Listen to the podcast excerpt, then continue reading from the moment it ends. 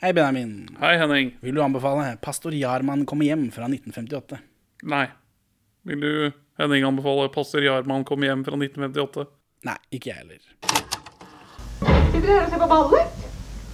Er ikke det litt perlig forsvinne? Hæ? Kom inn her så vi kan få snakka. Det er så mye folk der ute. Og så kommer du dissende med en geléklump til middag.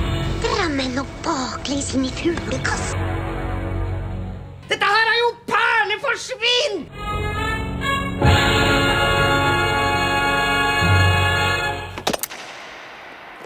Velkommen til Perleforsvinn, podkasten for deg som syns mangos Ja, mangos ligger faktisk mellom pære og ananas i smak. Vi er to middelmådige menn i 30-åra som ser norske filmperler, og vi turer bare gårde med, av gårde med Arne Skouen sommer volum 2. Nå er vi jo har vi byttet studio. Vi er tilbake i en unavnet uh, opplæringsinstitusjon. Utdanningsinstitusjon. Unavnet større utdanningsinstitusjon i Oslo. Ja. Uh, og jeg har, ikke, jeg har glemt å ta med stativet til mikrofonen i dag, så det er litt sånn um, Det er litt provisorisk, men jeg satser på det går bra. Men da vet folk det.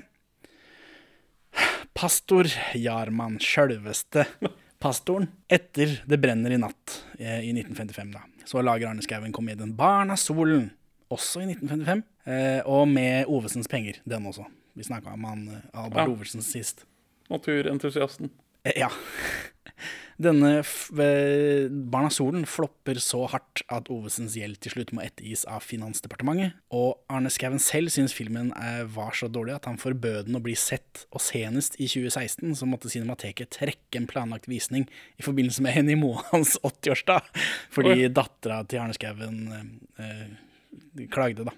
Det, men den kan ses i det vet jeg ikke. Du kan se på, men du kan ikke ha kommersielle visninger. Det er det hun ikke Ja, vil. så, så, hvis så vi drar på Nasjonalbiblioteket, så får vi se den. det må vi gjøre en dag når vi går tom for eh, Arne Skouen-filmer til Arne Skouen sommerer og se som ligger lett tilgjengelig. Så må vi det. Og tom for barn. Det er det som er fint, at det er biolje, da. Jeg tror jeg kan liksom trekke det en fire, fem, seks år til, når de liksom er av gårde på universitetet, kanskje. Kjenner jeg begynner å bli litt mett på Arne Skouen. jeg. Ja, men det er to år til neste gang, da.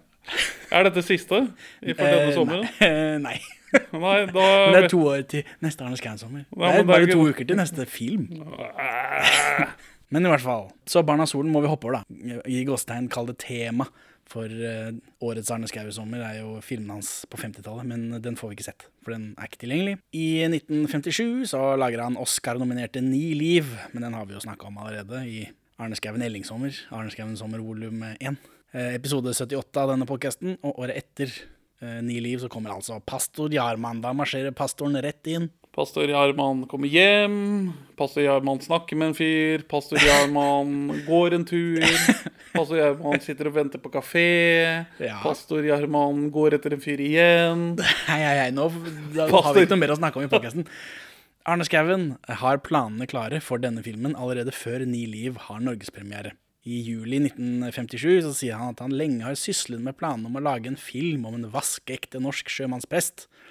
Og nå var endelig pastor Jarman manuset ferdig. Så han håpet å starte filmingen over nyttår og ha premiere neste høst. Så det fikk noe til, da. Så, så, så filmen er en hyllest til figuren den norske sjømannspresten. Arne Skouen har jo vært sjømann, dette snakker vi om i den biografien vi har om han i episoden Kalde spor. Det må jo være episode 80 eller noe sånt nå, da. Så han har jo vært sjømann, så jeg antar det har noe med det å gjøre.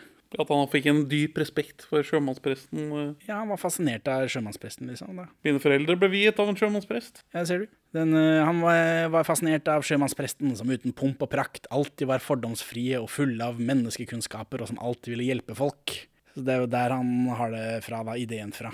Respekt. Ja, Vi kommer til det senere, men jeg syns ikke selve ideen er så dårlig. Nei, nei, nei, nei, Altså, dette kunne jo vært en serie filmer med en sånn Columbo, et, si TV-serie, da. Ja, for det er jo Columbo-aktig. En sånn eh, upstanding sjømannsprest som bare går rundt og løser sjødrap, sjømysterier. Sånn sånn Jag, bare med norsk sjømannsprest. Uten at jeg har sett Jag noensinne. det, det, er, det er jo det en sjøforbindelse der. Ja. Nei, Jag har noe med fly å gjøre, er det ikke det? Nei, det er jo Er det sjø? Jeg vet da faen, jeg. Er ikke de, jo, er ikke de marine Det kan hende. Jeg vet det er uniformer, det er det eneste jeg husker. Men, NCS er i hvert fall eh, marinegjeng.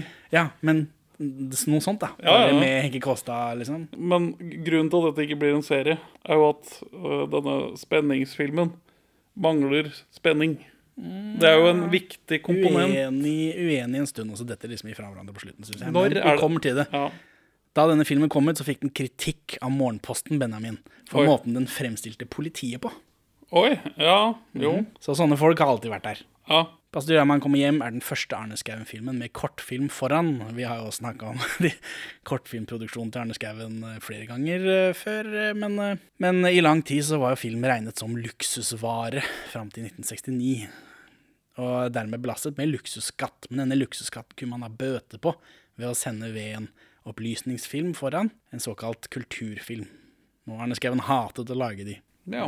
Og senere i livet så skulle han ønske at han ikke hadde laget eh, disse kortfilmene, og han skulle ønske at de ble destruert. Han, er det bare, han laget seks eh, opp igjennom. Det er bare én som vi tilfeldigvis fant liggende på internett. Eh, fordi den handler om golf, og det er en golfentusiast som har lagt den på Vimeo, ikke på YouTube engang. Men, eh, så de seks andre må vi da opp på Nasjonalbiblioteket og se. Sikkert samme Arne Skouen-sommeren hvor vi ser Barna Solen. Det er mye som er vanskelig å se, oppleve og lese om uten entusiaster.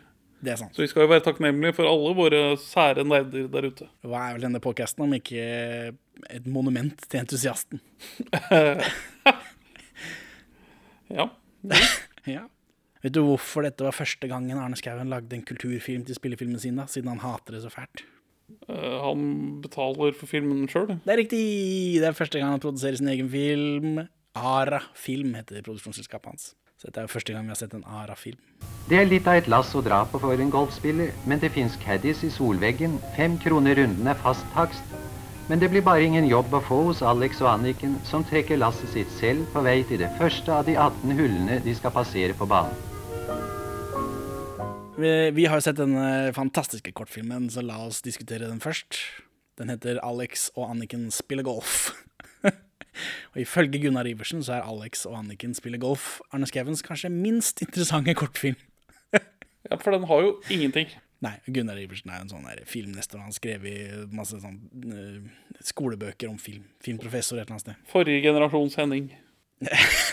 Nå er han Han lever jo ennå, holdt jeg på å si. Han er jo aktiv ennå, så han er jo denne generasjonens Henning, da.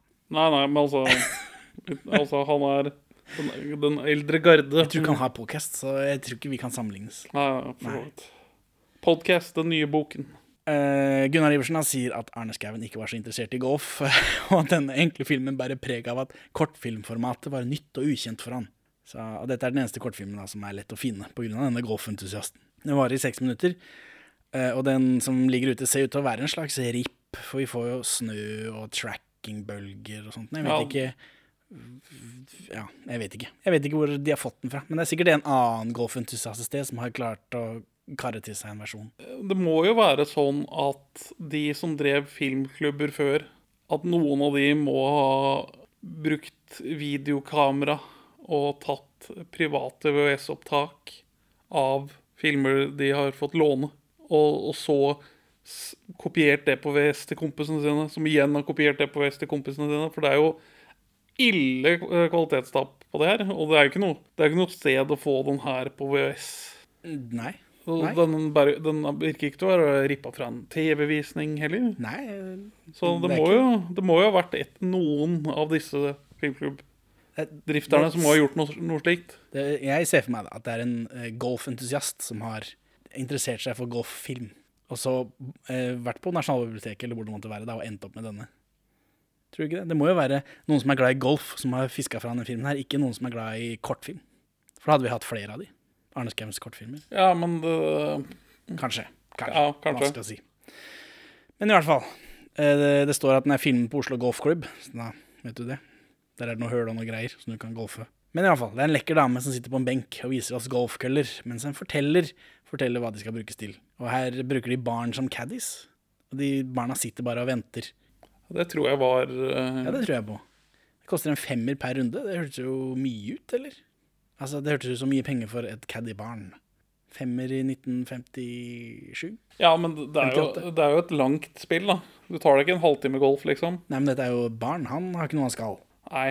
Alex og Anniken drar lasset sjæl, da. De bruker ikke barnecaddies eh, i anledning denne filmen. Anniken skal vise oss hvordan man slår. Han er en luring, han der Arne Skaued, for nå er det altså en flott dame med hofter og skuldre og kølle og greier. Det er um, Kanskje en grunn til at ikke det er Alex som skal vise oss hvordan vi slår. Denne, denne ideen skulle Arne Skouen tatt videre, for det vet jeg for en fact at er en stor greie på YouTube, TikTok, Instagram. Eh, Damer som golfer. deilige damer som golfer. Okay. Så det er bare liksom spekulativ, eh, spekulativ filming av deilige damer Ja. som golfer. Og det er, det er masse damer som lever av det. Ja. Å ha fin rumpe og spille golf. Ja, For jeg trykka på én sånn video på YouTube, og jeg, jeg får så sinnssykt mye opp av det Men- i feeden min nå. men medielandskapet var litt annerledes i 1958. Ja. Så, men han har gjort sitt beste. Han er jo en pioner på mange måter, Arne Skauen. Ja, ja, ja. Foregangsmann. Ja. Alex og Anniken er søsken, sies det. Er det ekte folk, dette? Umulig å vite. Alex og Anniken klubber av gårde oppi masse ugress, men så kommer de seg ut. Så klipper vi til en ræva golfer også, og det er Arne Skauen som er filmet bakfra. Så han vil også hive seg på den trenden der, da, tydeligvis. Så er det noe info om golfbaner rundt omkring i Norge. Det er ni hull i Sarpsborg og i Trondheim, blant annet. Morsomt. Ja, ja. Ingen norske golfmestere internasjonalt, men det er en masse amerikanere av norsk avstamning, får vi vite. Eh, man tar vel det man får, da, og det gjør jo vi her i Norge. Ja, Det det, er er, det er vi veldig gode på, vil jeg si. ja. Fortelleren forklarer hva en hole in one er. Skulle hatt hole in one med Anniken, si. Eh? Mm. Objektivisering av kvinner som er veldig gamle eller døde. ja, det er neste notatet mitt. Hun er sikkert dau nå. Så er det flere folk som slår golfballer, og Arne Skouen driter seg ut av. Og caddiene får en krone per ball de finner også, så dette er Ja, rike dette, unger. dette, dette er bra hobby. Masse frisk luft. Går masse. Masse penger. Grunker. Det tar en halv mil å gå banen. Damn, det er mye. Er dette nytt for deg? Nei, men jeg har ikke tenkt over det i tall, da. Nei. Jeg vet jo at det er mye at de, driver, at de bruker mye tid på dette, går mye ordner styrer, men jeg har ikke sett for meg tallet. Anniken får gi oss litt instruksjon først, og vi oppdager at golf spilles med hofter, skuldre og skarpe øyne. Vi blir bedt om å følge med på hvor ballen flyr når Anniken slår, men det klippes til ballen og så tilbake midt i slaget, så det tror jeg er umulig, tror jeg. Følg med hvor, hvor Anniken slår nå, og så klipper vi til den der ballen som er på den pinnen, hva den heter for noe, og så klinker hun til, og så klipper vi tilbake til hun som har slått. Det går ikke an for oss å se det. Så det, jeg føler meg lurt av Arne Skouen her. Det, det kan også være pga. rippen. Jeg tror det er svart-hvitt uansett. Så godt syns ikke den der hvite ballen mot den lyse himmelen. Nei, det kan være lurt å, å ha en annen farge på ball til akkurat svart-hvitt. Men Arne Skouen er jo ikke så god på å vite når eh, farge ikke kommuniseres korrekt på film. Ref. Uh, Sirkus Fandango. Ja. Den, Den penisnesa, en- penisnesa til uh, rumpa tenker for eksempel. Eller i det hele tatt at den filmen hadde trengt å være en fargefilm. Ja, ja. Denne filmen avsluttes i hvert fall med at Arne Skouen kaster kølla i vannet. Og så er det en fanfare, og så er det Anniken som slår opp en parasoll. Slutt. Ja ja. Det, det var det. Kanskje det er det som skjedde med kølla til Alf Mallan. Alf Malland. Yes, en gjenganger i Arne Skouen sommer. Ikke i den, jo, i denne også. Men i hvert fall, nå er det pastor Gjerman kommer hjem. For nå har sett denne kulturfilmen, vi har sett på Anniken stå og klubbe. Så er det pastor Gjerman. Åpner på denne Ara-logoen da, denne gangen. Og så er det maritim stemning med trekkspillmusikk over bilder av skip og sånn. Det liker du. Ja, det, det liker jeg. Og så kommer noe jeg virkelig ikke liker. Er det navnet til Kai Remlov? For han har fått egen uh, Han får en hel, en hel egen skjerm bare til seg selv. Den, dette barnet er jo en skuespiller som vi sliter med i dag. som vi har i dag ennå. Han er ikke så mye på film. Han, han spiller faren til Bjørn Floberg som kjører tog i, i, i den eh, standup-filmen hans. Og han er med i Herman. Han spiller hans kjøpmann der som får kjeft av Sosse Krog, som er mora hans. Det er bare sånn småroller, stort sett. Men Kai Remlov wow, jøss, var han i live da? Men så viser jeg at han spiller jo barn, da. For han er jo barn. Hva er det du ikke liker, sa du? Eh, Det åpner med korrespondanse på skjermen. Er det noe du Ja, det er det jeg liker. Å sitte og lese. Ikke, ikke bare er det noe, det det noe, noe budskap jeg skal sitte og lese. Det er også hvit tekst. Hvit, håndskrevet tekst over svart-hvitt himmel. Og det er bare vondt å se på. Men vi har ikke gjort det i denne Arne Skouen-sommeren. Men forrige Arne Skouen-sommer så mener jeg det var mye sånn åpningstekst. Ja, ja han, han har roa litt ned på det. I hvert fall. Ja. Men eh, det begynner her, da, med noe korrespondanse som tydeligvis er skrevet til Skauen fra en t.k.d. Eh, For han har bedt, denne personen har bedt om en film om en forstandig mann. Er- dette, jeg vet ikke hvor det kom fra, jeg finner ikke noen referanser til det noe sted. Jeg aner ikke hva det er. Jeg vet ikke hvorfor det er med. Kan, det, det, hvis vi tar bort dette, mister vi noe. Nei. Men jeg tror det er sånn øh, øh, Sånn reaksjon på de som kritiserer film for å ikke være skikkelig kultur, slik som teater. Ja, det kan jo hende. For eh, Det brenner i natt fikk sikkert Han fikk jo mye tilbakemelding om at dette ikke var en forstandig mann. Kanskje? Ja. Men eh, altså får vi, det er jo korrespondansettet, så vi får svaret til Erna. Han sier ja, se denne filmen, da vel. Ja, det er jo det vi gjør. Kjemperart. Hvorfor har du med dette? Ja, det, det, det budskapet når ikke frem sånn ellers. Nei, teit. Eh, Så får vi se unge, kule Rolf Søder. Han er sjømann eller noe. Vi har sett han i Ung flukt. Da er det, jeg tror det er Olsmann 6. Jeg orker ikke å tenke på hvor mange Olsmanner det er. Det er ikke noe vits, tror jeg. Så ser vi noen legge en gønner i en veske. Det viser seg å være et barn, som da er Kai Remlov. Eh, han, det er sikkert en lekegønner, da. Viser seg at det er det. Han er sønnen til Inge Kolstad, som spiller Roald Jarman. De har vært i New Orleans i årevis. Sjømannsprest osv. Kai Remlov han, har snakket, han kaller de mom, mommy. Han sier mommy til mora si. Han sier mammy. Nei, han sier mommy. Nei, han sier ikke Han sier mammy. Det sverger jeg på. For det reagerte jeg på eh, hver gang. okay. Er det ikke rart, mammi? Klokka går. Men han som trakk den opp, han går ikke mer. Uh, Kai Remlov får, Kai Remlov får beskjed om å kaste den gunneren. For nå er de ikke i USA lenger. De trenger ikke pistol. Hive ut av, vinduet, av, kulokket, for de er på et skip. Men han gjør ikke det, som han får beskjed om. Uh, Enke Kåsa sier at det er fredelig i Norge, så han trenger ikke den gunneren. Vet ikke. In for a surprise. ja. Og så kommer Alf Mallan inn uten kølle, selvfølgelig. Den har han mistet for flere år siden. Ja, det, han kommer inn i et annet rom. Dette de klipper bort fra de folka. Æsj. Og så klipper bort. Eh, Det er en fyr som ligger og dør, så de trenger presten. Fyren har bandasje rundt huet, han har falt ned fra bommen. Som har noe med båt å gjøre. Det er noe med seil og noe greier, er ikke det? Ja. det har jeg sett på Jag. Ja. Eller på TV. Det ringer maritime bjeller. Ja, Bommen er den, det er den pinnen på seilet som svinger fram tilbake over båten og slår folk over bord hum, på humoristisk vis. Ja. Så han har fått den i huet, da, tydeligvis. Eller noe sånt. Men har man det på Jeg vet ikke. Den type båt som han har fått dette ned fra bommen på, har de sikkert det. er noen Nei, det er ingen som hører på dette som bryr seg om båt. Det er ingen som kommer til å rette på oss. Vi kan si hva vi vil. Dette er en togpodcast, ikke en båt. Absolutt. Denne fyren ligger ligger han prater om Makken, som har skrevet noe til. Og så kommer Henke Kolstad, så får han Henke Kosta til å love å hjelpe Makken. Og vi vet fortsatt ikke hva som skjer. Dette er veldig forvirrende. Dårlig fortalt. Altså er det noe mas om en klokke som må gis til Lilly, og så dauer han fyren. Må hjelpe makken. Ja. Men her kommer setupen kommer kjapt, da, i det minste. Ja. Kjapt og ræva. Kjempebra. Det kunne vært mer dynamisk lagt frem, selvfølgelig, men det kommer fort, så nå er vi liksom inne i mysteriet. Uh, makken, altså Bra navn på en sjømann. Nei. Makken. Ah, Kjempeirriterende navn. Altså Tror ikke det var det? Leffi, Filla, Makken. Dette er sånne Dette er sånn uh, Bønna.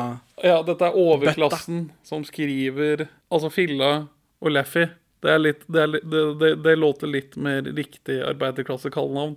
Mens Makken, det, det jeg får eh, Dette er vestkantsfolk som skriver arbeiderklasse. Makken er et kjempedårlig kallenavn. Men tror du ikke folk het det på 50-tallet? Nei. Og før det, Arne Skouen har vært på båt. Kanskje han kjente en Makken. Ja. Men det er et utrolig irriterende navn å få gjentatt 100 millioner ganger i løpet av en film. I hvert fall når filmen har eh, mangler fortellerteknikk. ja Nå får vi se Henny Moan. Hun er fortsatt i live på innspillingstidspunkt. Hun har jo vært sammen med Ole Paus, som dukker opp til neste uke i podkasten her. Jeg tror de, Er det hun som er mora til Sole Paus? Det tror jeg. Ja, det tror jeg. Eh, 50-tallets Petronella Barker. For her eh, jobber hun på en fabrikk eller noe. Det er noen gøye fabrikkbilder, da. Det setter du pris på. Ting fra gamle dager. Nei, jeg, jeg, sitter og lurer på hva det er som skjer, og hvorfor. Og hvorfor filmen heter 'Pastor Gjerman kommer hjem'. Ja, det hva har jeg er- notert hva at det er en veldig dårlig tittel. Det skal de ha. Det det er en fryktelig dårlig tittel. Men eh, Så du er imot filmen fra første stund. Du vil ikke bli fortalt noe. Du vil ikke Ja, jeg- jeg- være med på noe. Du vil ikke se noe. Du vil helst Jeg vet ikke hva du vil. Jeg var nok i feil headspace til å starte med når jeg begynte den filmen her. Og så gjorde den veldig få ting for å dra meg inn. For nå er Henny Moan ute Men du får jo se på Henny Moan. Det er sånn. jo være noe. Filmen sier 'Å, det er et mysterie'. Og så er, danner den ingen det er, Den danner Altså- ikke det, det, det, den, den etablerer det minst spennende mysteriet noensinne. Det er makken og klokka, hva er dette for noe? Ja, ja, hva er dette for noe? Hvorfor er dette? Ja, det, må Hvorfor er det er jo det vi skal finne ut av i løpet av filmen. Og så øh, går det kanskje litt fort de siste fem minuttene, men Men fram til det, masse spenning. Kjempefint. For nå går Henny Moan hjem til leiligheten sin, og der venter Alf Mallan. Henny Moan er visst denne Lilly da med klokka, og Alf Mallan gir henne klokka. Lilly har masse bilder av kjendiser på veggen i leiligheten. Marlon Brando, James Dean. Hun skal være en 50-talls tenåring, er det det? Det er Virker som, hun er, virker som hun er rett over tenåra, i- liksom i 20-åra, men øh, da hvis du var Da skulle du ha tre barn allerede, så jeg vet ikke. Ja, det er veldig rart å fortsatt drive med sånn tenåringsfakter. Henny Moan lurer på hva sjømannen, som het Halvor, han som fikk denne bommen i huet, sa, og til hvem. Hun blir veldig mistenksom, og så blir hun forbanna på Alf Mallan. Halvor sa bare at Lilly kunne ikke noe for det. Uh, Alf Mallan uh, han, han pegger henne som nordlending. Han sier at ja, du er en jente nordfra, selv om hun snakker da med, på Oslo-målet sitt. Uh, og det syns jeg er gøy, for hun er jo nordlending, hun er fra Alta. Ja. Selv om hun ikke bruker det så ofte. Og der har man jo etter, eh, etter evakueringen etter Store Ofsen i 1769, så har det jo, er det jo dialekttrekk fra Østlandet som har overlevd i visse regioner i Finnmark. Ja, men jeg tror ikke eh, Henny Moan var med på akkurat den evakueringen. Nei, nei, men altså dialekttrekkene har overlevd fra og med 1700-tallet og gitt en lignende klang på visse ord Men og uttrykk. poenget her, da, tror jeg er at hun bor i Oslo og prøver å være en annen. Hun prøver da å legge fra seg dette nordfra-målet sitt. Filmen vil drøfte i hvordan det er å være menneske og identitet. Nei, Nei, det er fordi hun har noe å skjule, skal det være, siden det er så tidlig i filmen at ikke vi vet hva som skjer. Og så er det denne prestefamilien. De blir innlosjert i en prestebolig, og Kai Remlov fingrer med en klokka som Alf Mallan fikk tilbake, fordi han, hun ville ikke ha den. Ja, men, han, her, hvordan, har, hvordan har klokka kommet seg tilbake til Ja, for han har gitt den tilbake, da. Alf Mallan fikk den. Jeg vil ikke ha den der dumme klokka di, sier hun. Eller noe sånt. Og så får Alf den, og Alf Mallan og eller, altså, Henki Kosta, pastor Jarman, er venn med eh, alle som noensinne har vært på en båt. Han kjenner alle på navn, blant annet Alf Mallan, som er gammel bokser, sier de her. Det får vi jo se i denne slåssescenen. Eh, men så har jeg endt opp hjemme hos Henki Kosta. Ikke tenk på det, det går bra. Vi så det på film. Han prøver å åpne med en kniv eller noe, som, jeg, som jeg syns er et rart eh, instinkt. Men sånn er det vel å være barn, kanskje, at man skal ødelegge ting. Ja, det, jeg kjenner meg igjen i det. I hvert fall. Ja, for hva er dette for en drittunge, har jeg skrevet. Er, det er en drittunge. Dette skal være et sånn sprudlende, øh, gøyalt barn. Som ødelegger ting. Kona til Henke Kåste er spilt av kona til Erne Skauen. Ja. Hun sover jo i Omringet. Det er hun dama der som spiller musikk og som blir drept på en veldig på feil måte, syns vi. Ja. Kari Øksnevad. Eh, Kai Remlov klarer å brekke opp den klokka da, og viser dette til Henki at det er et navn inni klokka. Louis Rim. Er det òg? Det, var- et bra navn. Eh, men han som døde fra den klokka, heter jo Halvor, så det er mystisk. Uh, oi, mystisk. Kjempemystisk. Å, hvordan skal vi finne svar på dette? Nei, det, det er bare Henny Moan som vet, for hun er hjemme i leiligheten sin. Hun ser ned på kaia i mørket, og så hører hun fransk sang. Dan, dan, dan. Så blir hun forskrekket, og så drar hun ned rullegardina, og akkurat da så ringer det på døra. Og det er Rolf Søder, han ser sinnssyk ut. Han tar seg inn, og så klipper vi bort. Altså, nå, det er spennende. Kjempespennende. Nei, det er ikke det. For, altså, jeg, jeg har sett Hitchcock bli nevnt i sammenheng med denne filmen her. Oh yeah. Og det er Det det, er kanskje en grunn til at jeg ikke nevnte det. det er øh, ikke grunnlag for det. Jeg liker å tenke på meg selv som en bedre filmanmelder enn alle andre, så de har ikke dratt slutninger til Hitchcock. Nei, for, det, for det, det, det, er, det er ikke grunnlag for å hevde det. Det for det, denne, denne vet ikke hvordan man danner spenning. Altså, Hitchcock sier vel en gang at Hitchcock har jo også 1000 filmer, det er ikke alle som er like spennende. Nei.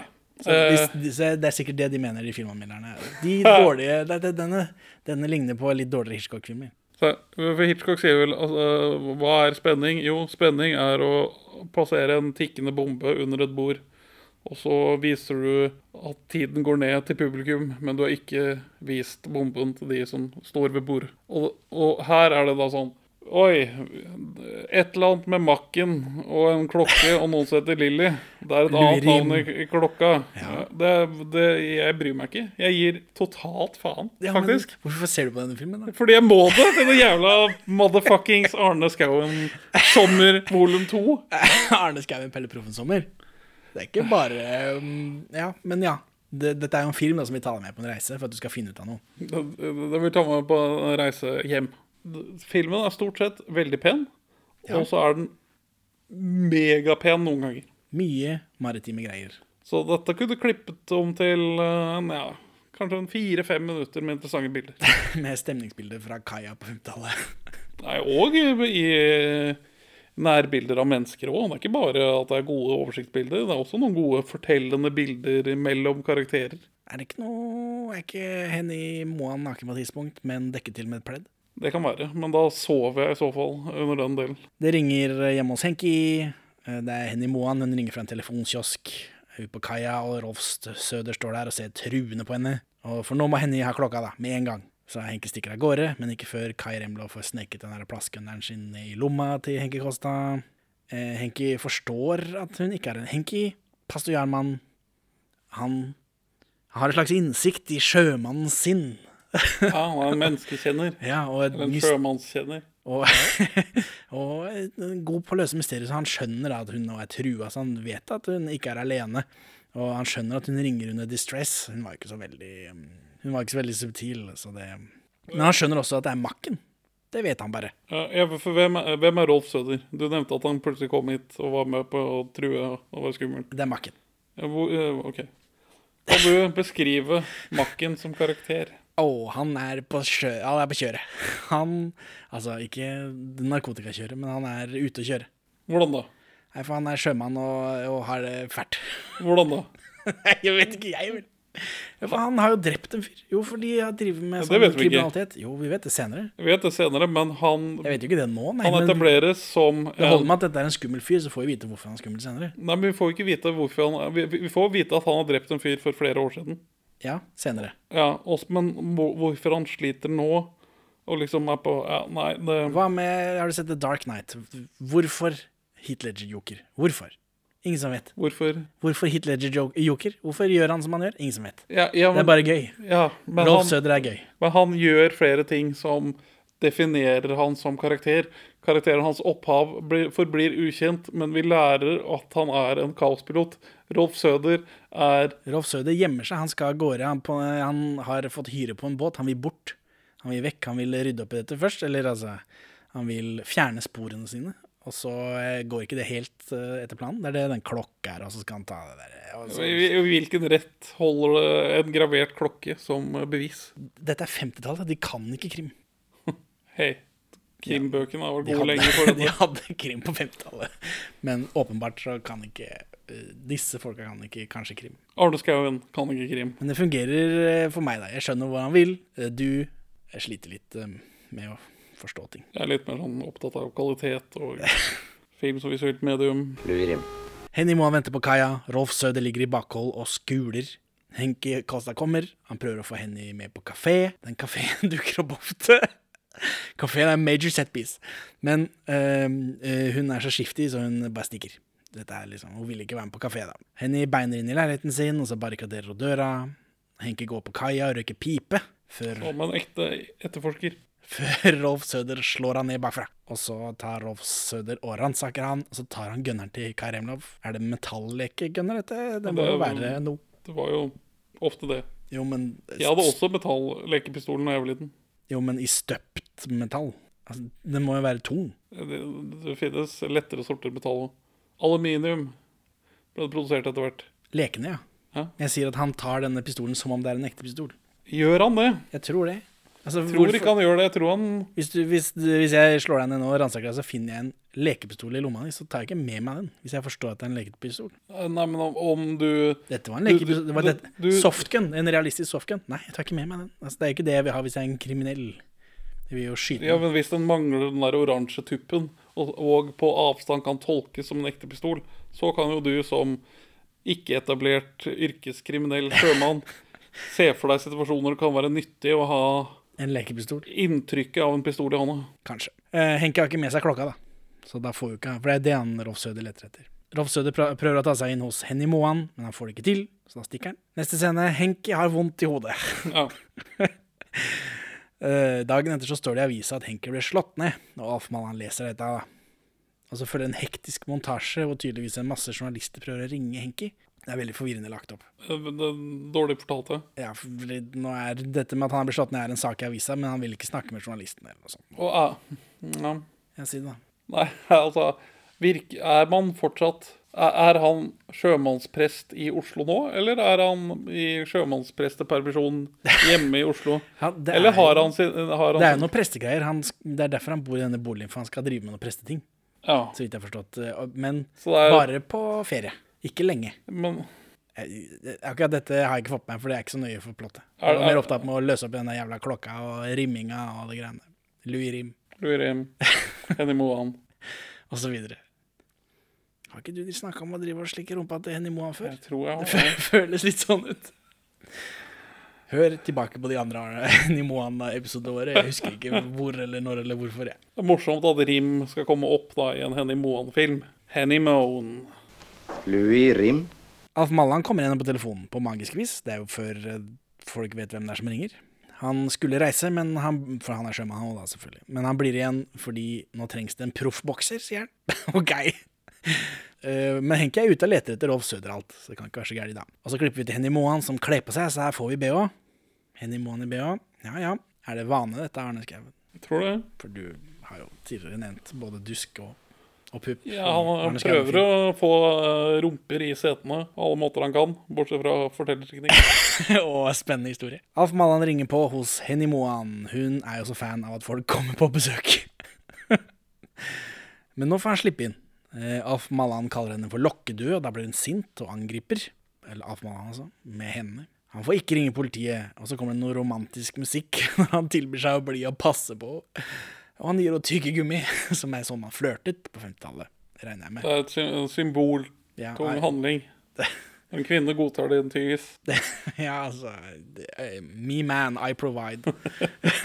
Eh, For dette er jo altså, Men dette med tyggis er jo Dette lærte vi jo i, nest, i eh, en halv meter mindre over bakken. At det er noe Det er viktig iblant. eh. Og um, å ta imot tyggis er det nærmeste kvinnen hadde til aktivt samtykke på 50-tallet. Heyo. Ikke kast deg ute på kaia, da. Han finner en sjømann som han kjenner, som sliter. Eh, Og denne fyren setter han på sporet av en fyr på Vippetangen som kan hjelpe. Ja, det er der den kafeen ligger. Vippetangen. Ja, Det var ferja jeg gikk før. Ja, det, det, jeg var ikke kjent med Oslo på 50-tallet. Men den fyren som kan hjelpe, han har ett øye, og han driver og stæler en svær fisk. Blunken. Dette er broren til Stuttum, forresten. Rolf Sand. Ja, interessant. det vet jeg ikke, men han er svogeren til Rudolf i Fjols til fjells. Ja, Altså Unni Bernhoft. For Unni Bernhoft er jo sammen med Rolf Sand. Unni Bernhoft og Rolf Sand fortsatt i live på, på innspillingstidspunkt. meget bra. Veld, veldig bra. Henke blir sendt videre, da, uansett. Så nå blir han bare sendt fra eh, intetsigende person til intetsigende person. Her kunne du klippet eh, Her måtte du gjort noe i manus, eh, Arne. Og så er det klippet en haug med båtgutter i messa som prater og jangler. Og de snakker om pastor Jarman, som alle respekterer, så her får vi jo vite det vi allerede har sett. Så kommer Henki, han kjenner alle, han husker alle, han kan alle på navn, han vet hvem absolutt alle sjømenn i hele Norge er. Sjømenn i hele Norge er. Eh, uansett hvor mange år siden det er siden sist. Og så er Svein Byring der, bror av Karsten. Og uh, en av disse gutta kjenner Makken, da. Ja. Alle de andre stikker, for dette vil ikke de ha noe med å gjøre. Dette med Makken, eh, De kjenner til Makken alle sammen, tydeligvis, uten at de vet nødvendigvis hvor han er. Skumle makken. Skumle Makken. Denne fyren er også litt skummel. Vet du hvem dette er? Um, han ser kjent ut, men husker ikke. Dette er Oskar Egde Nissen. Han er bror av Aud og en masse andre folk, for den der Egde Nissen-slekta er svær. Vi har sett han som helten som virker å være et studiomandat i Fant, blant annet. Ja. Men han er også en av få norske skuespillere som har blitt arrestert på tre forskjellige kontinenter. OK. Ok, Ikke interessert. Dette, Eh, det pepper deg ikke opp i det hele tatt. Det Uh, vekker ikke oppmerksomheten i det hele tatt, dette. Du er fortsatt sovende. Nei, Vi bare hopper over dette og fortsetter med, fortsetter med fortell- da. Hvilke kontinenter har han blitt arrestert på? Han var sjømann, ikke sant? Ja. som alle nordmenn var. på For tidspunkt. Å bli mann og få lov til å ha opphold i Norge, måtte han ha virket som sjømann. Ja, for han var sjømann i tillegg til skuespiller, da, selvfølgelig. Litt sånn om hverandre. Eh, og som ulovlig innvandrer i USA, det, vi har jo snakka om eh, Klass Gill også, var jo ulo- ulovlig innvandrer. Han ble, Klass Gill da, ble jo sendt hjem, mens Oskar Egde Nissen blir tvangsvervet som flyver på Filippinene, som da var okkupert av USA.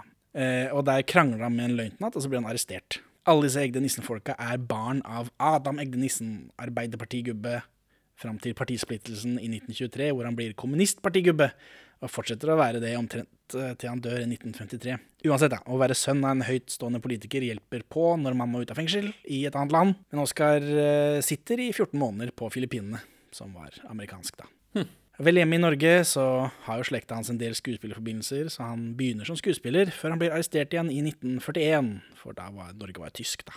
Eh, han sitter omtrent 14 måneder der òg. Det står ikke noe om hvorfor, men det tror jeg bare er for generell skuespilleraktivitet. Ja. som Han var ikke så nøye på det da. I 1955 så knivdreper han en fyr fra Skien Fra Skien. under et slagsmål på Oslobotn, Slemdal, i Kamerun. Oi, det var veldig mange stedsnavn på rams. Ja, og Kamerun er fransk, da. Så han har blitt arrestert på tre forskjellige kontinenter av tre forskjellige okkupasjonsmakter. Ja. Gøy. Det er aldri Nei, spennende. Ja, det er morsomt. Det kan jeg Ja. vedgå. Eh, og der i Kamerun da, så sitter han i fengsel over sommeren før han blir utlevert til Norge. Eh, han hevder det var selvforsvar, og vel hjemme så slipper han fengsling. Han skal bare møte opp en gang iblant. Så det er jo kjekt å kjenne folk. Kan være lurt, det. Ja, Det er for- forresten den samme kriminalsjefen fra vår episode om Det brenner i natt.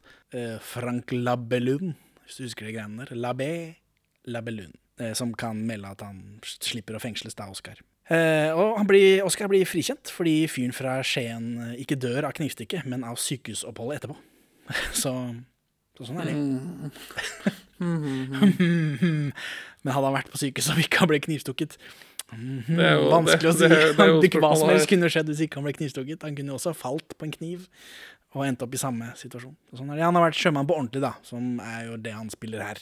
Og han drepte en fyr for tre år siden på når eh, han spiller denne filmen. Herregud. Så han dukker, uker, dukker opp om et par uker også, i Herren hans tjenere. Så da får vi se denne morderen igjen, da. Og igjen senere han, eh, Arne Skouen Sommer, da hans siste filmrolle er Ann-Margrit. Ja. Så hva syns du? Ja, det var, det var interessant. Hvorfor er det ikke han som spiller Makken? Som kan legge noe av, seg selv i rollen? Som har drept før? Nei, det er vanskelig å si. Men eh, det vi Ja, vi får nesten mer Oskar Egde Nissen enn Rolf Søder her. Nesten. Ja, Det er jo for, fordi denne Makken-karakteren er så hul og lite deltakende. Ja, eller han gjemmer seg, da, mens eh, Og han sier ikke så mye når han først ikke gjemmer seg. Men iallfall, Oskar Egde Nissen går til Rolf Søder etter dette møtet med Hegge Kosta. Eh, For Rolf Søder er tydeligvis på denne båten, bare. Eh, For han gjemmer seg da. Og så blir Rolf Søder bedt om å forlate båten, for han har fått hyre et annet sted. Så om han bare ligger lavt et par dager, så er han liksom trygg. Eller altså, da kan han komme seg bort. Søder truer han da med denne plastgunneren. Og Oskar ber han snakke med Henki før det er for sent. For, eh, ja, Hvorfor det? Fordi Henki ikke bare løser kriminaliteter, men han redder også sjeler. Ja. Så ringer telefonen i prestegården. Det er Henki som ringer hjem. Det er masse folk der. Noen du kjenner, forresten? I denne prestegården. Og sitter det noen damer der. Aud Schønemann. Det er riktig! Aud Schønemann, Schønmann var jo også med i Sirkus Fandango, men nå får hun prate, da. Hun får et par replikker. Turi Balke er der. For våre lyttere sikkert mest kjent som Fru Smith i Carla Co. Men vi ser henne jo støtte stadig i Hun er, med, hun er denne stuepikedama i Olsmann 7. Den for full musikk. Den beste Ja. filmen. Og så videre. Og så er det enda en dame som jeg aldri har sett før, og denne fylliken som Henki traff tidligere. Eh, de sitter og spiller ludo. Eh, har ikke noe å si. Annet enn at Aud skjønner man får replikk. ja, og så er det en eller annen vits om at eh, de kvinnene ikke kunne det sjømannfyllik-spillet som sjømannen egentlig ville spille. Ja, altså det tror jeg de legger seg etter han også, ja, for disse prestekvinnene er De vil vel både ha penisen hans og omvende han, denne fylliken. Ja, ok. Det er noe greier om det òg, at eh, han blir trua med giftermål og sånn. Det er, det er humor fra Karemlov. Eh, Ja. hum, noe gøy må det være ned her. Ja. Ja, for dette er kvinner fra Velforeningen, da. Og grunnen til at de driver Velforeningen, er fordi at de er eh, stusslige Peppermør. peppermøra. Ja, det vil jeg anta. De har tid til dette, de har ikke barn. Nei. Så er vi på kafé. Husker du Bjørn Sundquist roper kafé i søndagssengen? Jeg dro til kafeen! Ja, det gjør Henki Kolstad, altså. Eh, Og så på denne kafeen så jobber det en dame vi kjenner fra før av. Det er Karius Karius Baktus, Turi Haaland. En, nok en Arne Skouen-kjenning. Hun prøver å kaste ut Henki, for han har sittet der og venta på makken, da. eh, Som ikke kommer, eh, for nå er det stengetid. Men Oskar Egde Nissen kommer, og så ber han Henki om om å gi seg, om å glemme hele greia. Både makken, klokka, Halvor. Dette er ikke spennende. Det er ikke spennende å si at det er noe vi ikke vet. Det, er ikke, det holder ikke. Nei, men Det holder er ikke til å danne spenning. men Politiet er jo nå også ute etter Eller politiet var ikke ute etter makken før, men de er ute etter han nå fordi, de, fordi han slo ned Henki Kolstad. Uten at Henki Kolstad har bedt de om å gjøre det. Denne filmen får kritikk for måten den behandler politiet på. Eh, Oskar Eggenisen ber Henki om å gå til politiet, men Henki han holder tett. Han, han er en mann av sjømennene, så han skal ikke si noe. Og etter at Henki har gått, så ringer Oskar til politiet og angir makken fra for å ha slått ned Henki. Så det er hans skyld at politiet får snusen dette. Forviklingskomedie. Og han name-dropper Louis Rim. Så er vi, apropos Louis Rim, apropos Rim, så er vi hjemme hos Henny Moan. Ja. Alf Mallan beskriver mango. Ja. ja. Og eh, det, det, eller han, han kaller det ikke mango. Han sier konsekvent mangos. Men han mener mango. Ja. Og hva smaker det som? Eh, En krysning mellom pære og, ananas. Det er, det er omtrent riktig, det. Ja. Jeg synes det Men det, det tilsier ikke vanlig med mango før. Men Mangoen får vi jo med norsk-pakistanerne. jo, men for dette har vi vært borti jeg, Var ikke mango også noe nytt og spennende i Saler er de som tørster? Eller noe sånt? Jeg mener vi snakka om det. De, de episodene ligger da, da, ligger på på Der var det i hvert fall Ibux nytt og spennende, husker jeg. eh, men eh, eksotisk mat i norsk film er en greie. ja, jeg mener det blir nevnt der. Jeg. Sånn, wow, mango, hva er det for noe? Alf legger an på Henny, men Rolf Søder banker på døra akkurat da. Søren klype. Får ikke se en mango i filmen, da, som er litt skuffende. Jeg tror ikke de, de hadde ikke budsjett til. Få tak i en hel mango. Kanskje to også, hvis de må ta to klipp. Alf åpner. Eh, Rolf leter etter klokka. Henny er veldig opptatt av at eh, hun ikke har sagt noe, og at hun ikke, vil ha, og at hun ikke har denne klokka. Alf sier at Rolf Søder bør gå til politiet, men Rolf Søder truer han med Truer han Men Alf er kald, og han skal til å gå uansett. Henny prøver å løpe til Alf, men Rolf holder henne igjen. Og da ser til å begynne å slåss.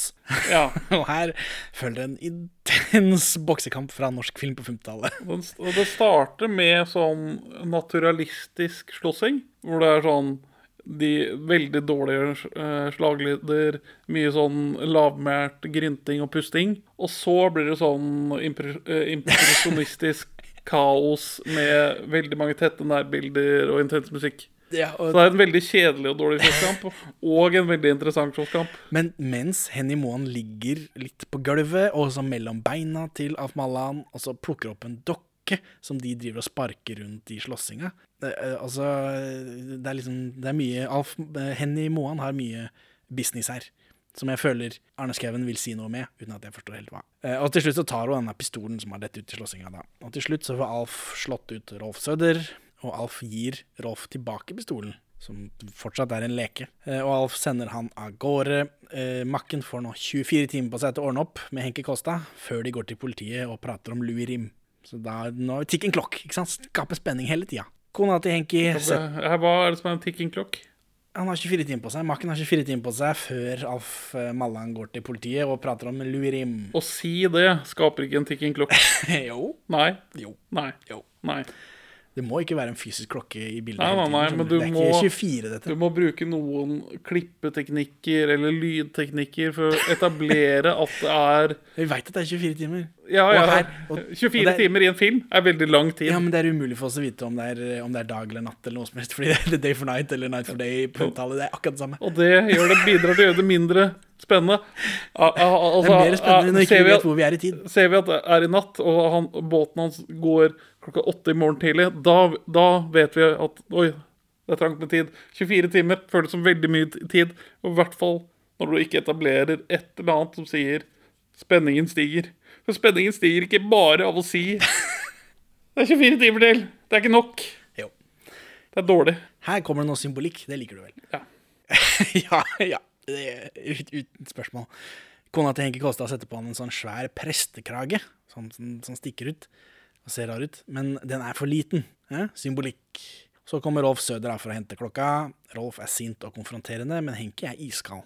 Henki vil hjelpe Rolf, for det eh, ba Halvor han om å gjøre før han døde. Og Rolf sier Halvor kjøpte klokka av Lurim, men med hans penger, så det er hans klokke. Tror vi på dette? Mm, Nei.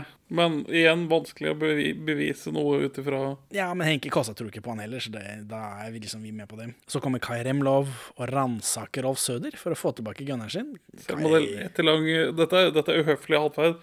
Som han ikke kan ha eh, lært i Statene, hvor de er enda mer redd for å ta på fremmede. Hvis ikke det er i statene han har lært det, fordi der har alle gønnere som de må legge fra seg før de kommer inn til Henke Kosta. Mora hans vil at han skal hive den gønneren fortsatt. Men da gir Kaiden tilbake til Rolf igjen allikevel. Men men, så gir han Rolf en, så gir han Rolf en poncho, Ja. som ikke kommer tilbake igjen. Nei, men, men det tomme begeret, makken, Rolf Søder Ja, han blir fylt opp av dette barnet. Ja. Han kjenner seg igjen i barnet. Han husker også at han var barn en gang. Men iallfall, Kai Remlo blir jaga ut, da. eh, Som han burde vært for lenge siden, spør du meg. Det ringer i telefonen. Det er kriminalpolitiet. De har sendt ut en etterlysning på Rolf Søder. Og, og eh, Rolf Søder hører dette i bakgrunnen, for det henger konstant tar telefonen. Den lille tilliten som er etablert, blir brutt av politiet. På grunn av Oskar eh, Egde Nissen, da. Men det vet jo ikke Rolf Søder. For han tror det er Henki Kosta som har angitt han. Og da blir han forbanna, og så stikker han. Og Henki Kosta løper etter. Men akk. I avisa dagen etter så er Rolf Søder etterlyst for å ha slått ned Henki, med bilde og greier, så det var jo veldig Så er politiet her hos Henki, og de leser om Louis Rim, for de har noen papirer på han. Ja, det er gått i arkivet. Han var involvert i et slagsmål på en båt i Oslo, og så blir han borte før han dukker opp ranet og død. Og ingen så han etter at han gikk i land, så saken ble henlagt. Og så er det Henny Moan. Hun står ved vinduet i leiligheten sin. Dette begynner å bli kjent nå. Det trange lille settet. Hun var ute og gikk med Halvor. Altså hun monolog, monologerer til Alf Malland, tror jeg, som også er der. Hun var ute og gikk med Halvor, som tydeligvis var typen hennes eller noe, eh, da hun var 17-åring. Og så fulgte Louis Rim etter dem på kaia. Han prøvde å jage bort Halvor på fransk vis, av franske grunner. og, så, og så har Rolf Søder fulgt etter dem igjen, altså alle tre. Så han dukker plutselig opp da for å stoppe denne franskmannen, og så går Henny og Halvor, og Rolf og Louis Rim blir stående igjen, så hun ser ikke at det skjer noe. Og dagen etter eh, så ser Henny at Halvor og Rolf deler noe, så da skjønner hun at hun har blitt lurt av begge. Så dette lokkedue-greiene, da. Ja. Så nå har vi plutselig Nå er mysteriet begynner å Nå skjer det noe. Det blir bare mindre spennende. Ja, at vi får vite det. Ja, for dette Ja. ja det, vi tar det til slutt. Tar det til slutt, Det er der det hører hjemme. For nå er det en Kai-montasje. Ikke Kai Remlov, men Kaja. Ting lastes. Sjøtrekkspillet spilles igjen. Ja. Han fyren med det ene øyet er ute og går. Henke venter på kafeen. Spennende. Uh, Han fyren med ett øye tar av seg skoa før han går inn i kafeen, som, som ikke er vanlig. De andre reagerer på det som om det ikke er vanlig. Vi tenkte dette er noe 50-tallsgreier, men nei, det var ikke det. Det, var bare, han, det er bare han som er rar.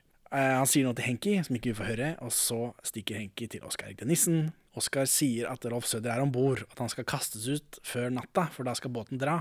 Og Oskar skal be Rolf Søder om å treffe Henki på kafeen igjen, da. Oskar tror Henki skal få politiet til å ta Søder.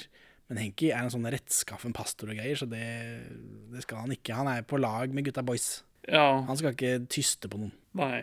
Og gjennom hele greia så legger Oskar en kabal som Henki legger seg oppi. Så det her er noe symbolikk. ikke sant? Oskar jukser i kabalen, men Henki sier at den går ikke opp uansett. Han må begynne på nytt. Ja, og jeg, jeg jukser bare med meg sjøl, og så Henki Ja, det er nettopp det.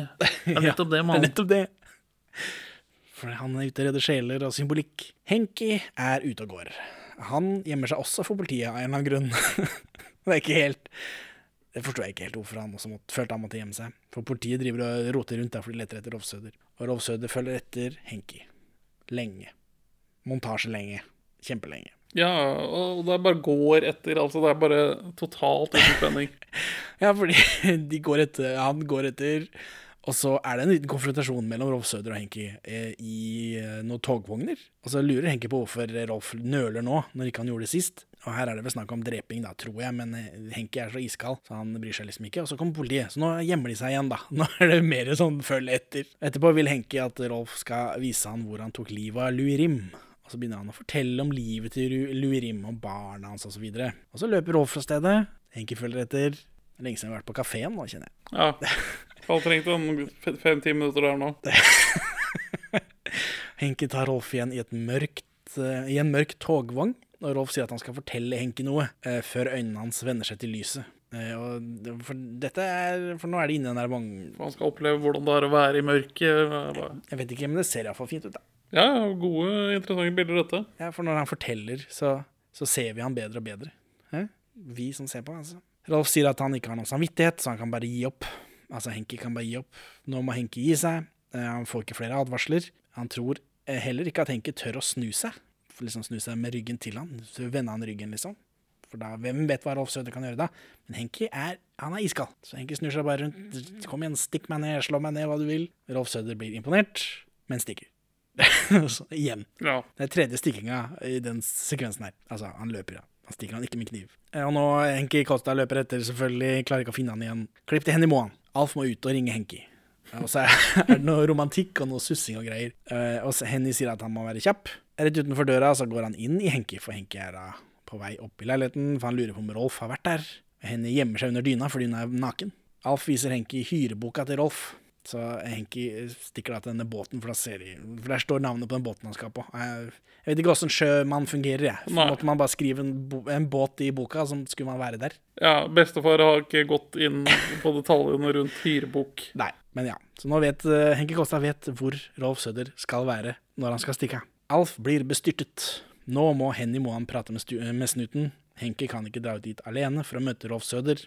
Henki ringer hjem, og så blir vi igjen minnet på hvor flott familie han har. Så ikke vi skal glemme hva han har å tape om han blir drept av Rolf Søder. Lenge leve protestantismen. Etter denne telefonen hjem, så er det noe greier om at prestekjolen til Henki må sys om. Eller fordi presten som bor der fra før av, han skal låne bort den uh, pre prestekjolen. Dette er jo hjemme hos Henki Kolstad, som ikke er hjemme. Kai Remlov sier at presten er for smal over skuldrene. Og dette, og dette er en så grusom fornærmelse at den presten blir trist og går. Beskyldt for å være sånn femiprest, da. Jeg vet ikke, jeg skjønte Ekte ikke. skal jo brede skuldre. Det eneste vi vet om denne prestefyren som de bor hos fra før er at han dessverre aldri fikk barn. Det er det eneste vi vet. Og at han har smale skuldre, og det er en såpass fornærmelse at han går. Så jeg, jeg aner ikke hva det betyr. Det må være noe 50-tallsgreier som har blitt Ja. borte. Så ser vi Henki i silhuett på kaia. Rolf Søder klatrer i et tau opp i et skip. Rolf Søder roter rundt i et lasterom, og så får han masse tunge sementsekker over seg. Henki hører bråket, han klatrer ned til han, og finner liket. Dun, dun, dun. Å, nei. Han er eh, død, kanskje. Han Henki Kåstad masserer brystet hans, som sikkert var ålreit førstehjelp i 1958. og fordi Rolf lever, hurra! Å, du er, kroppen din er knust, er eneste bein i kroppen er knust. La meg massere brystet ditt. Suksess.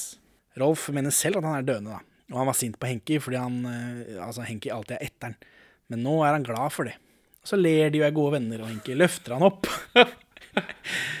Rolf sier han ikke har det, det for godt med seg selv. Og Henki får ha slept Rolf ut, og han gir Henki tilbake gønneren, som han kan gi til Kai Remlov.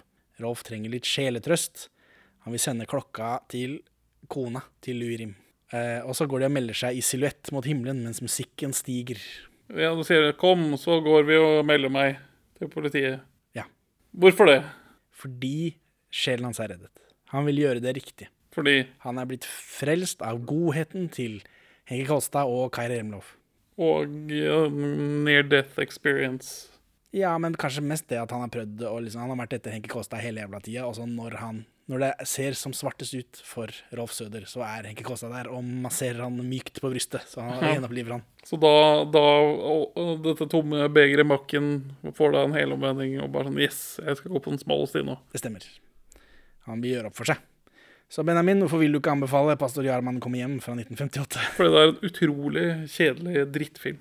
Med noen pene bilder og 0,75 interessante sekvenser. Og ja, nei, det Jeg ler vel litt den ene gangen når han sønnen driver og troller de der tre peppermøene som er på besøk. Og ellers så er det Nei, det er bare dritt. Det, det, den er ikke noe bra. Det er, det er ikke noe Hitchcock. Det er ikke noe, det er ikke noe stor filmkunst. Det er gode bilder, og ellers er det bare dritt. Så Henning, hvorfor vil ikke du anbefale pastor Gjerman dra på butikken? Som nevnt mange ganger, dårlig tittel. Eh, jeg er veldig med på dette mysteriet den første timen, men så er løsningen så utrolig underveldende. Det er bare folk som forteller hva som har skjedd ut av vinduer. Vi er liksom ikke med pastor Jarman når han finner ut av ting, da. Vi, det, vi får det bare fortalt av folk som ser ut av vinduer. Eh, Og ja, nei, han bare Pastor Jarman går bare Han løser ikke Han finner ikke clues, han løser ikke mysterier. Han bare snakker med folk fordi han er en god sjømannsprest som kjenner alle sjømenn. Og så sier de vage ting til han, og så skjønner han det. Ja. Fordi han er så god menneskekjenner. Så jeg var med på mysteriet, dette med klokker og lurer inn. Hva er dette? Fortell meg film. Gi meg løsningen. Og så kom ikke det på en satisfactory måte. Eh, så er det disse noir-skyggene igjen, da, sånn som i Det brenner i natt. Det er litt mye her, syns jeg. Det ser ut som alle har lampene sine på gulvet.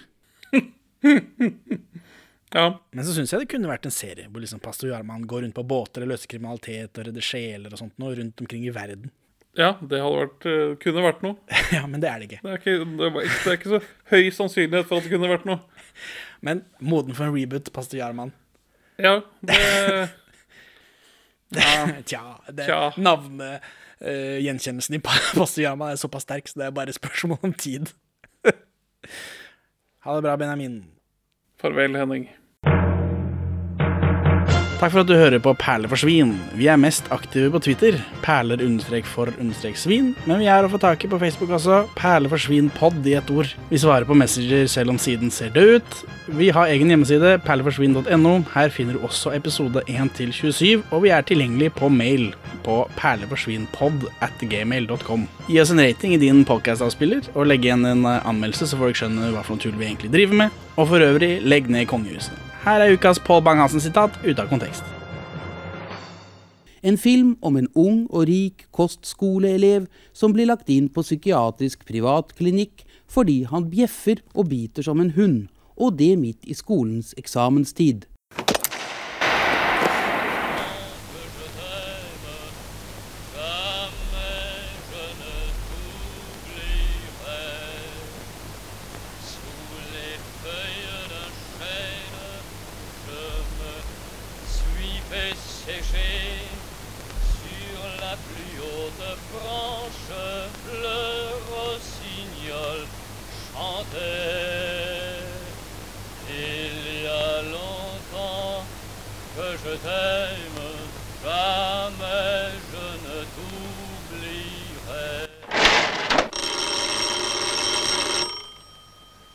Golffilmer har du sett?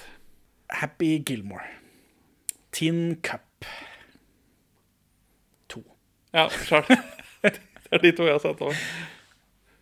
Jeg kommer ikke på noe mer. Nei Det er noen golfepisoder av Ducktales. Tre, da, med Alex og Anniken spiller golf. Ja, teller det? Nei. Hvis Ducktales spiller- teller, så Ducktales teller ikke. Men